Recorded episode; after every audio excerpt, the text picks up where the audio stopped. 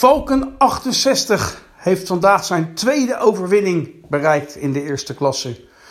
Na de eerste overwinning uit bij AFC 1 tegen 3 speelde het twee keer gelijk tegen Velo en Voorschoten 97. Vorige week verloor het van Monnikendam met 3 tegen 4.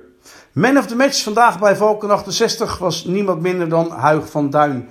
En op het eerste wedstrijdformulier zat Huig van Duin nog op de bank en Jacob van der Bent in de spits. Maar Jacob van der Bent had een ongelukje met zijn fiets, waardoor hij helaas niet kon gaan deelnemen aan deze wedstrijd. En Van Duin pakte die rol glansrijk op. In minuut 36 scoorde hij de 1-0. ZOB wist nog iets terug te doen vlak voor rust met een 1-1. Maar in het laatste kwartier was het weer Van Duin. Twee keer die zorgde voor een 3-1 overwinning van Valken 68.